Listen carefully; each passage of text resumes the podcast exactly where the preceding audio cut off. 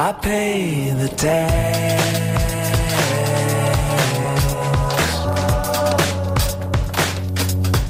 For my sins.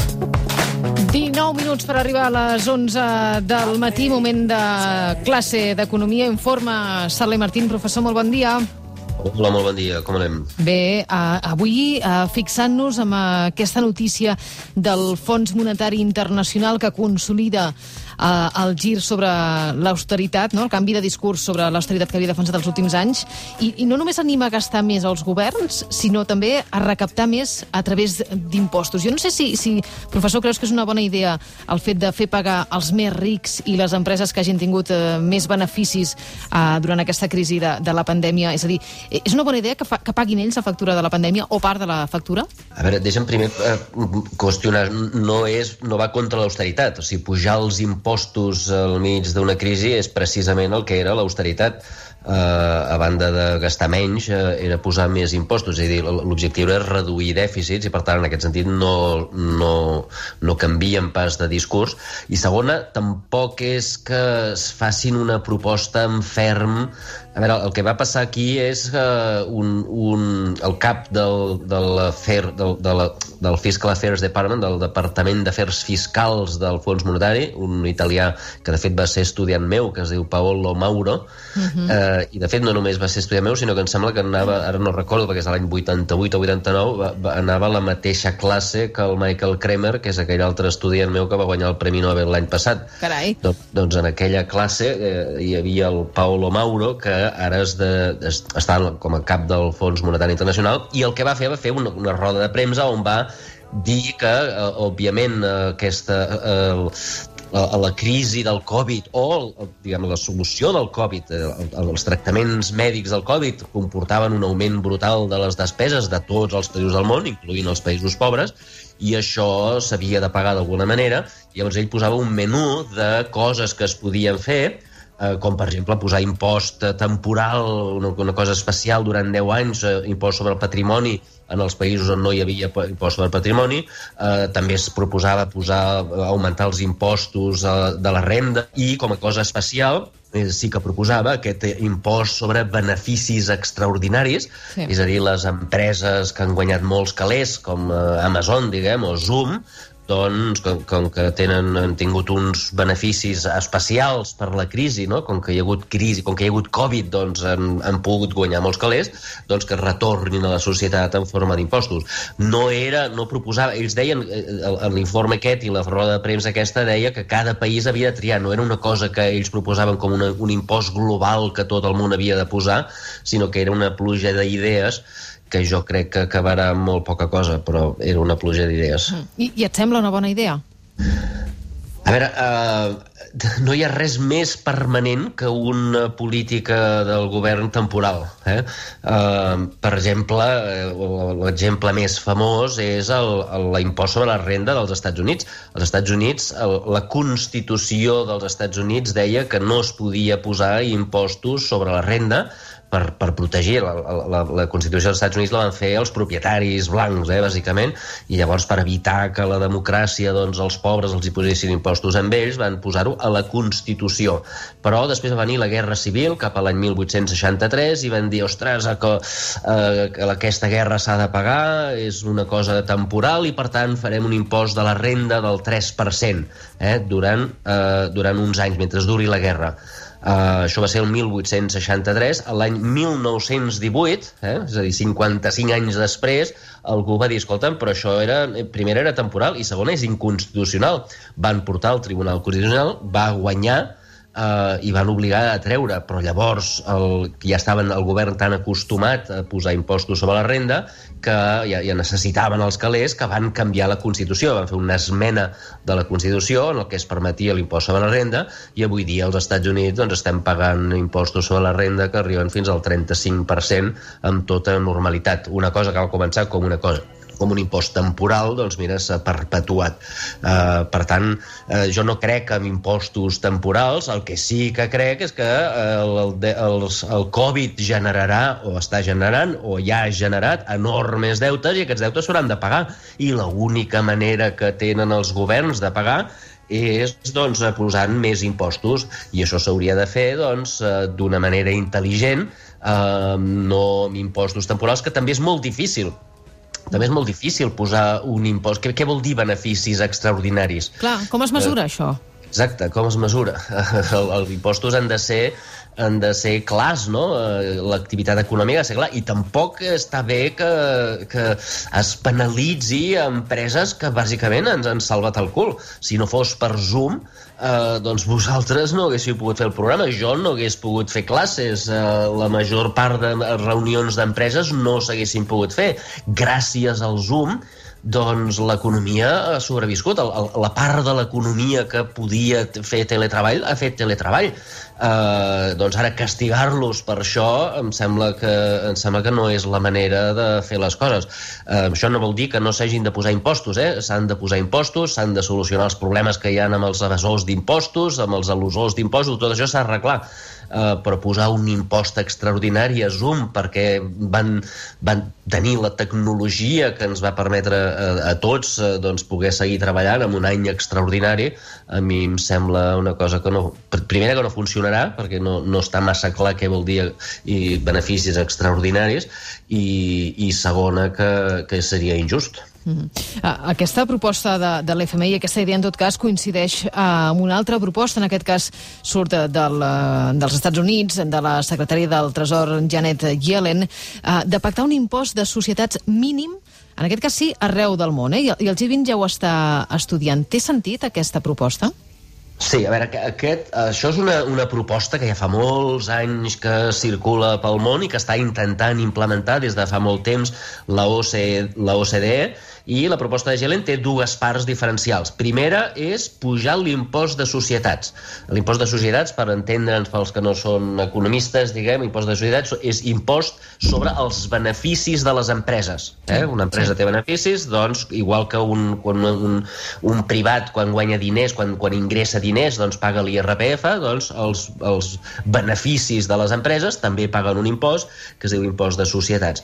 Um, aquest impost als Estats Units era del 35 5% a l'època d'Obama, que era molt alt comparat amb la resta de països eh, rics. Eh, per exemple, Espanya és del 25%, i el Trump el va baixar del 35 al 21%.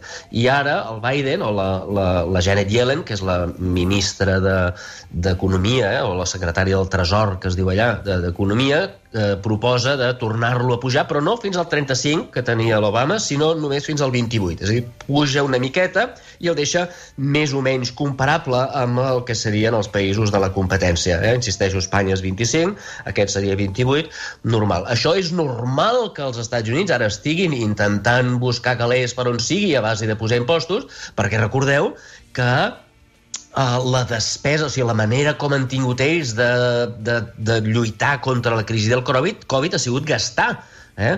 El primer mes de, de la crisi, a l'abril de l'any passat, el Trump ja va gastar dos, dos bilions de dòlars.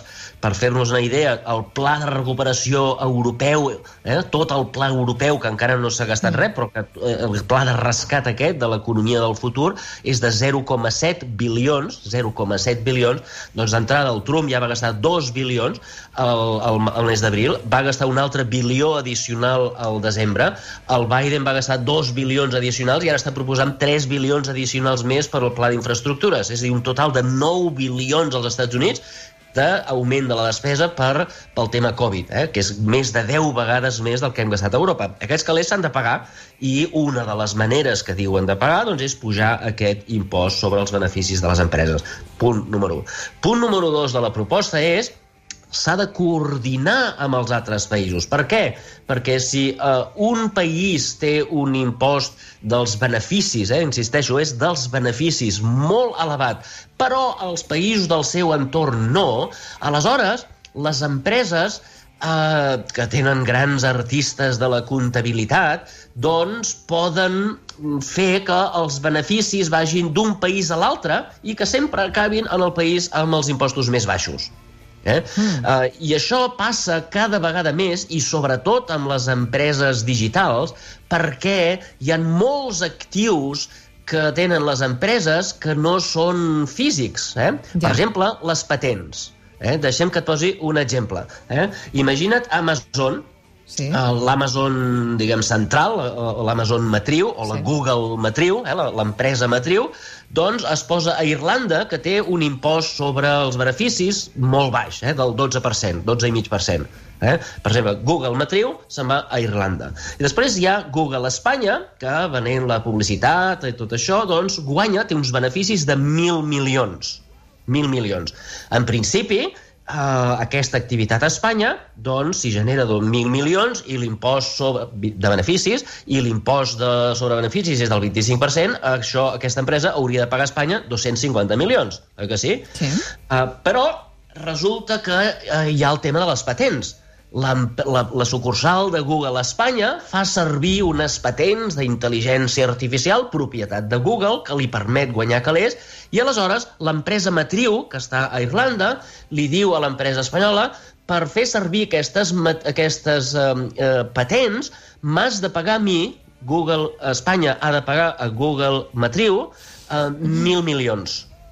D'acord. Aleshores, els beneficis d'Espanya, eh, que eren 1.000, però ara li hem de treure els 1.000 milions de despesa eh, per pagar les patents, la utilització de patents, fins que els beneficis a Espanya passen a ser 0 i els beneficis a Irlanda passen a ser de 1.000. Estem d'acord? Estem d'acord. Uh, I amb això què passa? Doncs que com que els impostos sobre els beneficis a Irlanda és només del 12,5%, en lloc de pagar 250 milions, Google acaba pagant 125 milions. Espanya perd tots els impostos, Espanya recapta 0, Irlanda gasta, eh, recapta 12,5 i, eh, perdona, 125 milions i eh, Google s'estalvia els altres 125 milions. Eh? Per tant, gran negoci per culpa de que aquests dos països, Espanya i Irlanda, tenen impostos diferents. Jo he posat exemple d'Espanya, però passa amb qualsevol altre país, passaria amb Estats Units exactament igual. Estem d'acord? Sí. Aleshores, el que vol el Biden, o el que vol la nova legislació dels Estats Units, és dir, mira, tots els països del món, tots, almenys els de la OCDE, els rics, tots hem de posar com a mínim un impost del 21%. Mm. Aleshores, com que no podem posar els impostos a Irlanda, Irlanda pot triar l'impost que sigui, si l'impost que li doni la gana, eh, perquè són sobirans, aleshores el que passarà és que si Google se'n va a Irlanda, i Irlanda té un impost del 12,5, aleshores la diferència entre 12,5 i 21 la pagarà als Estats Units. De manera que vagi on vagi, acabarà pagant 21. Clar. Això fixeu-vos que treu els incentius a anar tots cap a Irlanda. Ja no tens cap avantatge d'anar cap a Irlanda i ten, no tens cap avantatge de fer aquestes trampes. Al final el, el Google acabarà pagant 21%, es posi en el país que es posi, i per tant, entre tots, si tots els països es posen d'acord, doncs acabaran pagant, eh, de- diguem, acabaran cobrant més d'aquestes empreses que no és que facin trampes, no, no, perquè tot això que fan és legal, eh? simplement ells es poden posar on els doni la gana, però com que hi ha aquesta, aquests impostos diferencials, doncs acaben al·ludint, no evadint, però al·ludint impostos d'una manera escandalosa, i, i això és el que s'intenta evitar amb aquesta mesura d'harmonització o, de, o de cooperació entre països. Um, això, òbviament, requerirà que Irlanda digui que sí, eh, Clar. i això és el que, és el que s'està intentant ara. I, i, i és, és lícit o, o és bo atreure empreses amb una fiscalitat més baixa? Perquè, si no tinc mal entès, això és el que fa Madrid, no? Sí, Madrid eh, però fa una mica més de trampes. Eh? Madrid sí que fa això, però Madrid abusa de la seva capacitat, de, de, de, del fet de que és eh, la capital. Eh? Eh, és a dir, Madrid decideix tenir impost de patrimoni igual a zero, impost, eh, impost que altres comunitats necessiten per recaptar, els posen a igual a zero. Per què? Doncs perquè ells tenen eh, de manera captiva una, una gran quantitat de gent pel fet de ser la capital. És a dir, pel fet de ser la capital, tenen una gran quantitat de funcionaris, tenen el rei gastant calés, calés a Madrid, tenen eh, tot d'institucions que estan a Madrid perquè és la capital d'Espanya, no perquè és una comunitat molt guapa i molt bona eh, que els dona impostos baixos, sinó eh, que, que, que estan allà perquè estan obligats, perquè són la capital. I aleshores aquests cotitzen a Madrid, compren a Madrid, paguen IVA a Madrid i tot això fa que les arques de la comunitat de Madrid eh, estiguin plenes sense necessitat de posar impostos addicionals. Uh -huh. És a dir, si Catalunya decideix decideix posar impost sobre, la, sobre els patrimoni igual a zero, com tenia abans, doncs això ho deixa de recaptar, però no té una compensació de cap altre tipus. Mentre que Madrid, com que és la capital, es pot permetre eh, treure, diguem, treure alguns impostos perquè segueix recaptant l'IVA, segueix recaptant tot l'altre. Estem d'acord? I aleshores això és, sí que és una mena de dumping fiscal en el sentit de que eh, els hi pren els impostos a les altres comunitats, igual que Irlanda, eh? Irlanda també li pren els impostos a Espanya, com hem vist abans. Eh? El, el fet de tenir un impost sobre els beneficis més baix Uh, però clar, Irlanda, uh, Irlanda li treu això, però no té la, la, la, el benefici de la capitalitat. Aquí, en, a, a, a banda de que treu els impostos a la recaptació de les, a les altres comunitats, doncs clar, el fet de ser la capital doncs, hauria de tenir una responsabilitat per no fer aquest tipus de coses. Uh, si tu vols posar impostos a zero, doncs els, jo crec que la, les comunitats haurien de tenir la llibertat de fer-ho. Ara, les conseqüències haurien de ser que si poses impost igual a zero, recaptes zero, no que poses impost zero i a sobre segueixes recaptant igual perquè ets la, la, la capital de l'Estado. Mm. Ah, per tant, una harmonització fiscal fins a quin punt seria bona, en aquest cas? Bueno, seria bona pels estats i seria dolenta pels, per la gent, que, per les empreses i per la gent que es pot moure a l'hora de, a l'hora de, de, diguem, l'objectiu de pagar menys. Si, si tots els, espai, els països, com dèiem abans, acaben pagant 21%, hi ha qui guanya i qui perd. Qui guanya doncs guanyarien els països que ara mateix no recapten els impostos de Google, Espanya i, eh, i els Estats Units, eh, i sortiria perdent eh, eh, Irlanda i, eh, i Google. No? Eh, en aquest sentit, no és que, no és que sigui bo en, el, en, en termes absoluts, sinó que, com sempre passa amb economia, n'hi ha uns que guanyaran i uns altres que perdran. Eh, Irlanda jo crec que no estarà massa contenta i Google tampoc. I, eh, i, i Espanya doncs sí, Espanya estarà content eh, perquè podrà repartir una part més alta dels, dels impostos. I això el que farà és que els governs s'atreveixin a posar impostos més alts. Ara molts governs no posen impostos elevats. De fet, el gran debat als Estats Units avui dia, i això és una de les raons per les quals eh, el Biden intenta fer aquesta harmonització és que els republicans no volen posar eh, un impost de societat elevat perquè diuen si posem impost elevat a les empreses americanes perden competitivitat eh? són menys eficients i perden, són menys competitives en relació a altres països que no paguen un impost de beneficis tan elevat, oi que sí? Mm. Eh, I això és veritat Uh, fixa't que si tots els impostos, si estiguin al país que estiguin, sempre han de pagar el 21%, l'argument dels republicans desapareix. I aleshores els Estats Units poden posar uns impostos elevats. Per què?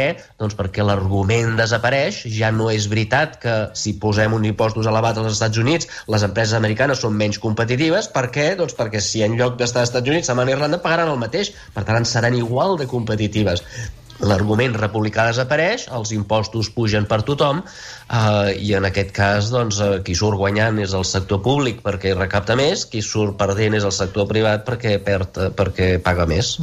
I aquesta sigui la clau, segurament, de, de tot plegat. Exacte. Professor Xavier Saler Martí, moltíssimes gràcies. Un plaer, com sempre. Gràcies a vosaltres, bon dia. Bon dia, arribem a les 11 del matí, posarem uh, en ordre les notícies, ens actualitzem i seguim, que ja tenim a punt l'Albert Pla. El matí de Catalunya Ràdio, amb Laura Rossell.